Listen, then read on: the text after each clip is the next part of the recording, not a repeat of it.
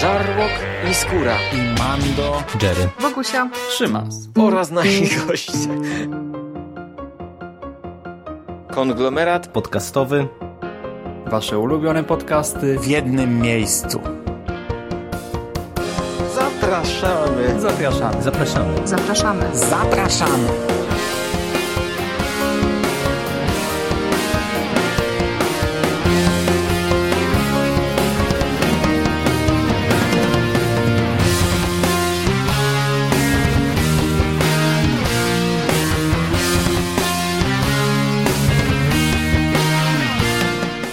Cześć, z tej strony Rafał Siciński, słuchacie konglomeratu podcastowego. Dzisiaj no taki chodliwy temat, jak w tytule. Co po trzecim sezonie Stranger Things? I zanim przejdę do tematu e, odcinka, bo to sobie tak założyłem, że to będzie może jakaś mała seria, w której ja i może chłopaki z konglomeratu też się przyłączą i polecą jakieś rzeczy. Więc zanim przejdę do tematu, czyli do Crossing Souls gry, to takie kilka słów wyjaśnienia, dlaczego w ogóle zaczynam tę serię. Wydaje mi się, że żyjemy w takiej epoce, gdzie blur na książce, na opakowaniu filmu, gry, ale też i clickbait rządzą całkowicie tym przekazem kulturalnym, tym całym informacyjnym kociołkiem, które, z którego sobie wyciągamy newsy, z którego sobie wyciągamy recenzje. I od jakiegoś czasu zauważam bardzo, bardzo silną tendencję do takiego bezmyślnego porównywania rzeczy. W zeszłym roku, właściwie od zeszłego roku chodził mi ten temat po głowie, bo w zeszłym roku natrafiłem na wiele informacji, czy to w recenzjach, czy to w opisach, gdzie porównywało się Netflixowy serial Dark do Netflixowego serialu Stranger Things. I uważam, że takim porównaniem zrobiono olbrzymią krzywdę Dark. Ten niemiecki serial w ogóle nie ma klimatu Stranger Things i to, że przez jakiś tam moment mamy lata 80., to wcale nie znaczy, że to jest y, cokolwiek podobnego. I zanim się ktoś zleci i w komentarzach będzie mi wypisywał podobieństwa, to zaznaczam, że to nie o to chodzi. Nie, nie, nie, nie, nie, nie będę teraz szukał różnic i udowadniał, że to nie są klimatycznie, tematycznie dwie różne, całkowicie różne rzeczy. A chodzi mi o to, że wielu dziełom kultury robi się krzywdę przez takie głupie porównywanie.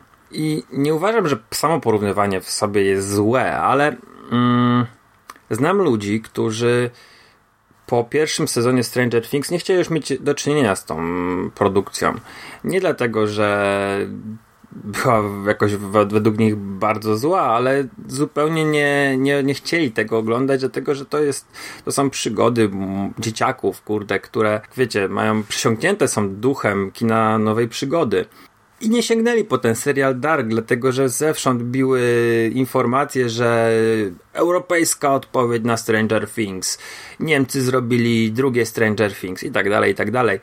Mm, I wiele, wiele dzieł kultury spotyka to nieszczęście, że są porównywane w bardzo głupi sposób. Nie wiem, czy to wynika ze słabego oczytania, ze słabego rozeznania recenzenta, który znajduje sobie w pamięci jakiś tytuł, którym wydaje mu się, że jest podobny, a tak nie jest. Czy to, to jest po prostu taki, wiecie, oportunizm, że będzie więcej kliknięć, jak wpiszę Stranger Things. No, to samo spotkało, właśnie się rzuciło na przykład sprzed y, dwóch lat prawie, tą nieszczęsną Koronę Królów, która była polską odpowiedzią na grę o Tron.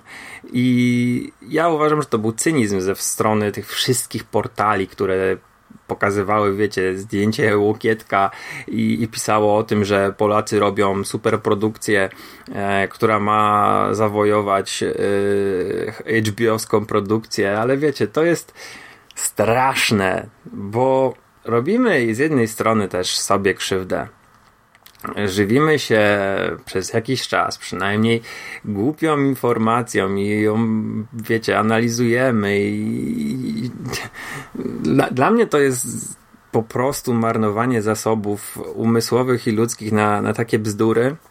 I właśnie ten krótki, ta, ta krótka seria będzie taką moim zdaniem odpowiedzią pozytywną odpowiedzią na, na to zjawisko, że w sposób w miarę rzetelny i sprawiedliwy będę nakierowywał słuchaczy na produkcje, które w jakimś tam stopniu mogą być uznawane za nie odpowiedź jakaś na, na Stranger Things, tylko będące dziełem kultury o podobnym vibe, o podobnym klimacie, o podobnym, nawet nie założeniu fabularnym, ale takim uczuciu, które towarzyszy podczas oglądania Stranger Things. I, i oczywiście to jest mój subiektywny wybór i podejrzewam, że ktoś może w bardzo podobny sposób zareagować na to, co ja mówię, w sposób, jak ja reagowałem, jak ja reaguję na te wszystkie pierdoły wypisywane w internecie.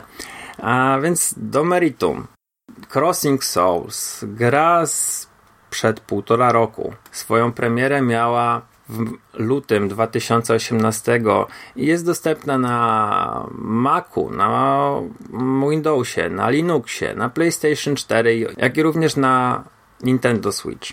Jest to produkcja hiszpańskiego studia Furatic i wydawcą było Devolver Digital, czyli już sam wydawca sugeruje, że mamy do czynienia z tytułem indie czyli produkcją mniejszą, niezależną i która z założenia będzie oczywiście w bardzo mocny sposób odstawać od tych wszystkich wielkich, głośnych tytułów, od wielkich studiów, od głośnych marek. Więc zacznijmy od tych podobieństw do Stranger Things. Mamy grupę dzieciaków. Bohaterami jest piątka nastolatków, powiedzmy.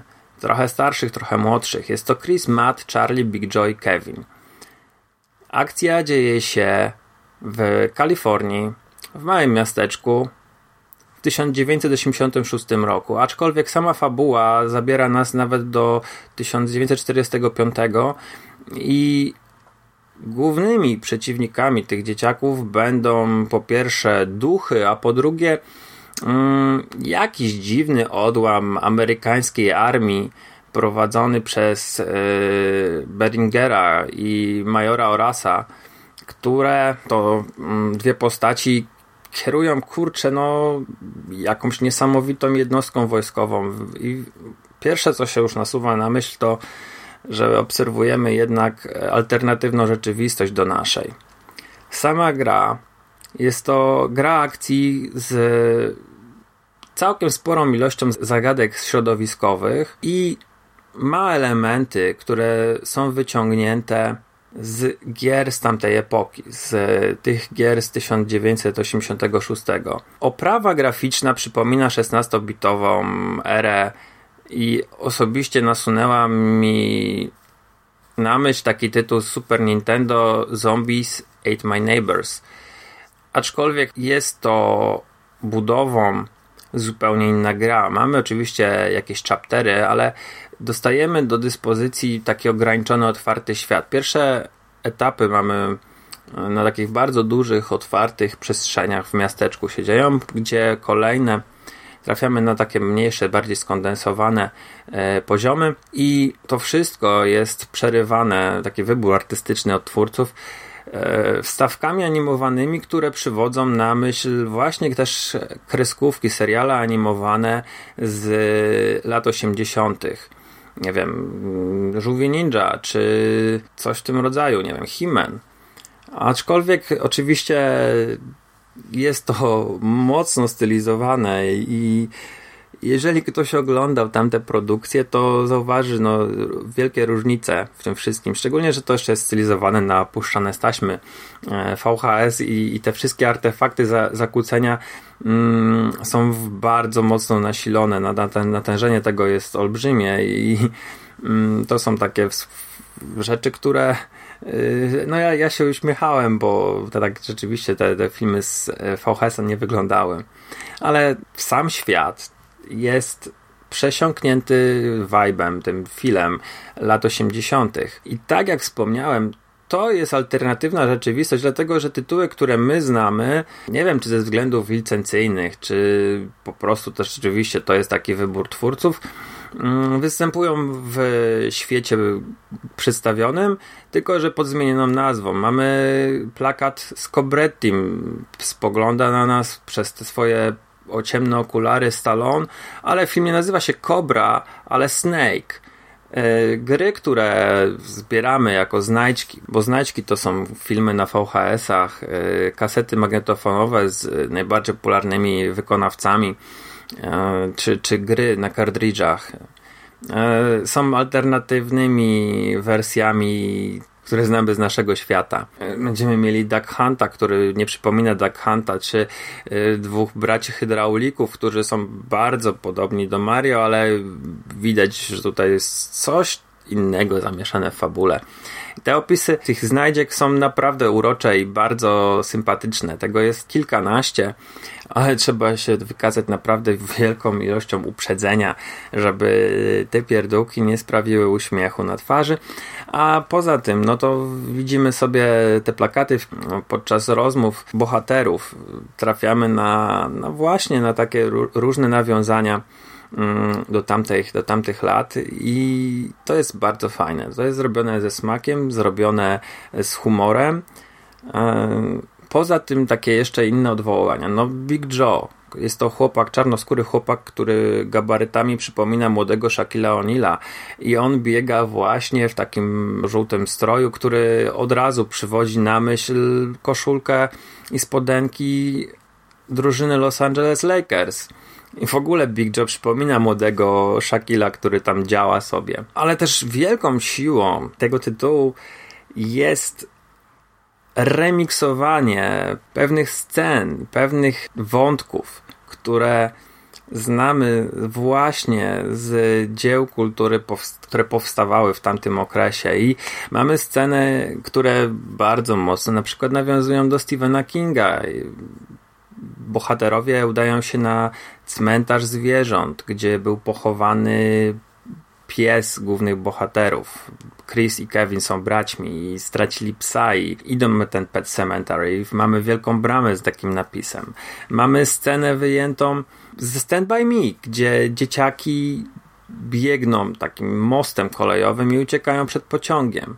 Ale też bardzo silny remix występuje w przypadku powrotu do przyszłości 3, gdzie trafiamy na wymarłe miasteczko, gdzie znajduje się, znajdujemy faceta z DeLoreanem i który pozwoli nam w jakiś tam sposób zmienić przeszłość. Tego jest naprawdę dużo. Jest nawiązanie bardzo mocne do poltergeista. Trafiamy do domu naszych sąsiadów, gdzie mm, dzieją się różne rzeczy i okazuje się, że facet próbuje sobie wykopać basen na właśnie cmentarzu Indian. Ale tak jak wspomniałem, duchy, i teraz mówię o duchach Indian, e, to warto tutaj powiedzieć trochę o samej rozgrywce, bo mm, tych odniesień do, do dzieł kultury lat 80.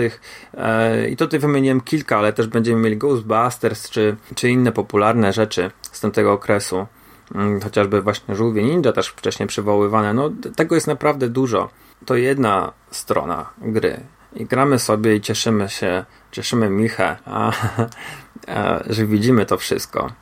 Ale drugą stroną jest sam gameplay, więc jest to taki, wiecie, bardzo prosty beat'em up. Chodzimy, zmieniamy sobie postać, Każda ma trochę inne właściwości. No, główny bohater Chris ma kij baseballowy i potrafi tym kijem baseballowym okładać przeciwników, ale też potrafi odbijać różnego rodzaju wystrzelone w jego kierunku przedmioty. Matt jest synem geniuszy. W jego domu wisi plakat Nikolaja Tesli i on znowu potrafi strzelać i zamiast skakać tak jak Chris ma jetpacka i potrafi przelatywać nad jakimiś przestrzeniami. Charlie, jedyna dziewczyna w zespole, ma skakankę, którą potrafi jak Indiana Jones biczem, batem okładać przeciwników, co się przydaje na przykład przy chmarach szczurów czy pająków, które potrafią nas zaatakować, ale też potrafi się tą skakanką wystrzelić. W niektórych miejscach mamy e, coś w rodzaju hmm, takiego, takich kołków, które przypominają proce i Charlie może się przeskoczyć na drugą stronę właśnie jakiejś wielkiej rozpadliny.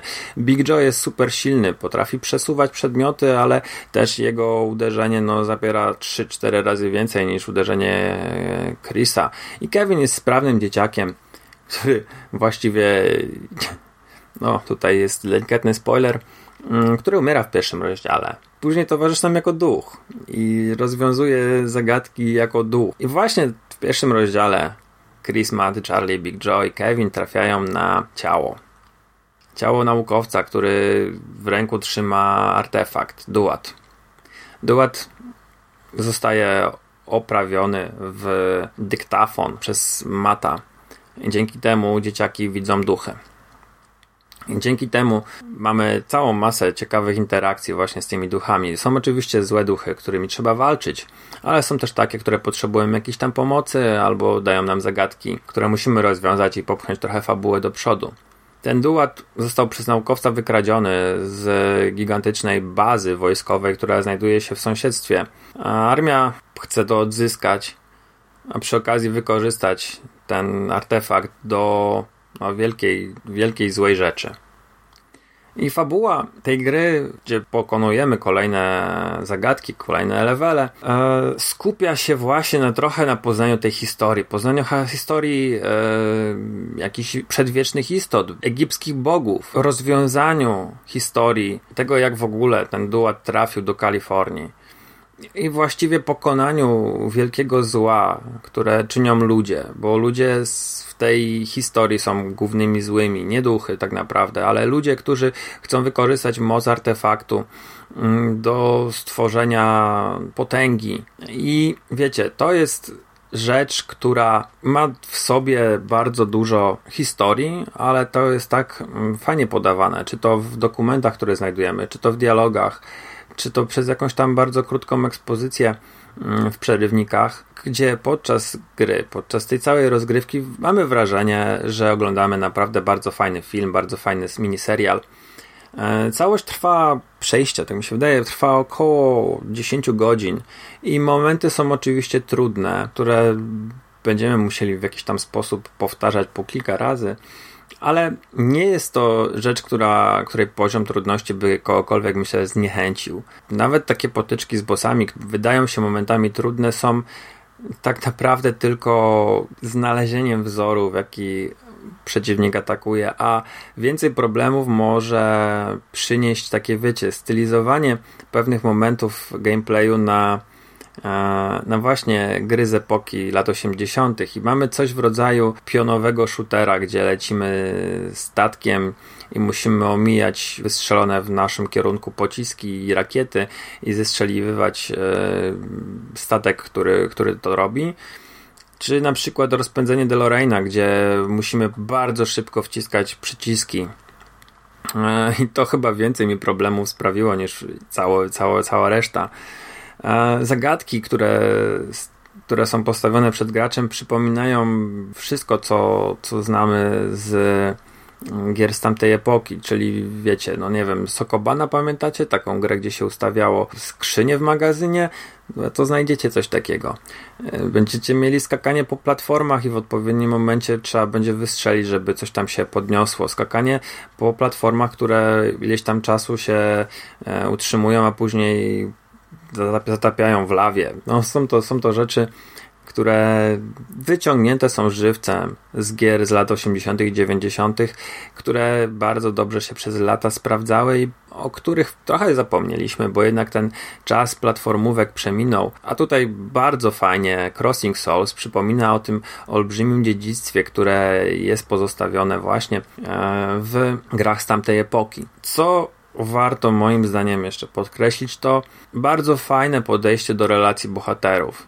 Tutaj rzeczywiście ci bohaterowie czuć, że są przyjaciółmi, że mamy dzieciaki, które mają swój domek na drzewie, które się świetnie rozumieją, które się bardzo lubią i które podejmują olbrzymi wysiłek, żeby uratować yy, swoich bliskich rozwiązać może zagadkę, dlaczego tak się wszystko dzieje, ale mają swoje charaktery i w pewnym momencie dochodzi do nas, że gramy w coś, co rzadko kiedy jest widziane w grach. Gramy pełnokrwistymi bohaterami, które są dzieciakami właśnie, które mają dziecięce podejście do świata które rozumieją ten świat właśnie tak jak bohaterowie E.T. czy Goonies. I tutaj jest moim zdaniem olbrzymie podobieństwo do Stranger Things, gdzie też mamy właśnie dzieciaki. I to podobieństwo jest bardzo silne. Podsumowując, bo wychodzi całkiem długi podcast, a chyba tak nie chciałem, żeby było, mamy do czynienia z bardzo mocnym hołdem e, dla produkcji, dla dzieł kultury z lat 80., z bardzo dobrą historią, która zabierze nas w równoległe wymiary, gdzie zobaczymy istoty wyciągnięte prosto z mitologii, gdzie gameplay nie stoi w żaden sposób w sprzeczności z tym, co z tą historią, którą poznajemy. I świetnych bohaterów. Tak jak wspomniałem, gra jest na weekend. Jeżeli ktoś gra rozsądnie i zacznie w piątek wieczorem, to myślę, że w niedzielę wieczorem ją skończy.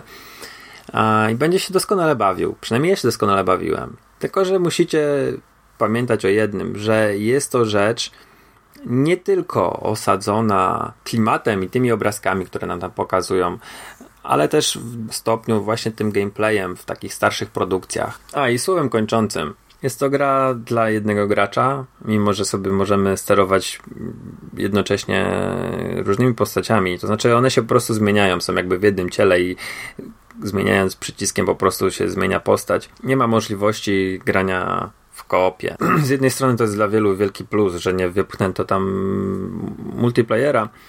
Z drugiej strony też ta żonglerka między postaciami może być w jakiś tam sposób utrudnieniem dla niektórych, bo będziemy musieli to dosyć często w pewnych etapach robić. A myślę, że możecie spodziewać się w jakiejś takiej bliższej, dalszej przyszłości kolejnych tytułów, które według mnie, według chłopaków z konglomeratu będą przypominały Stranger Things i do usłyszenia, cześć.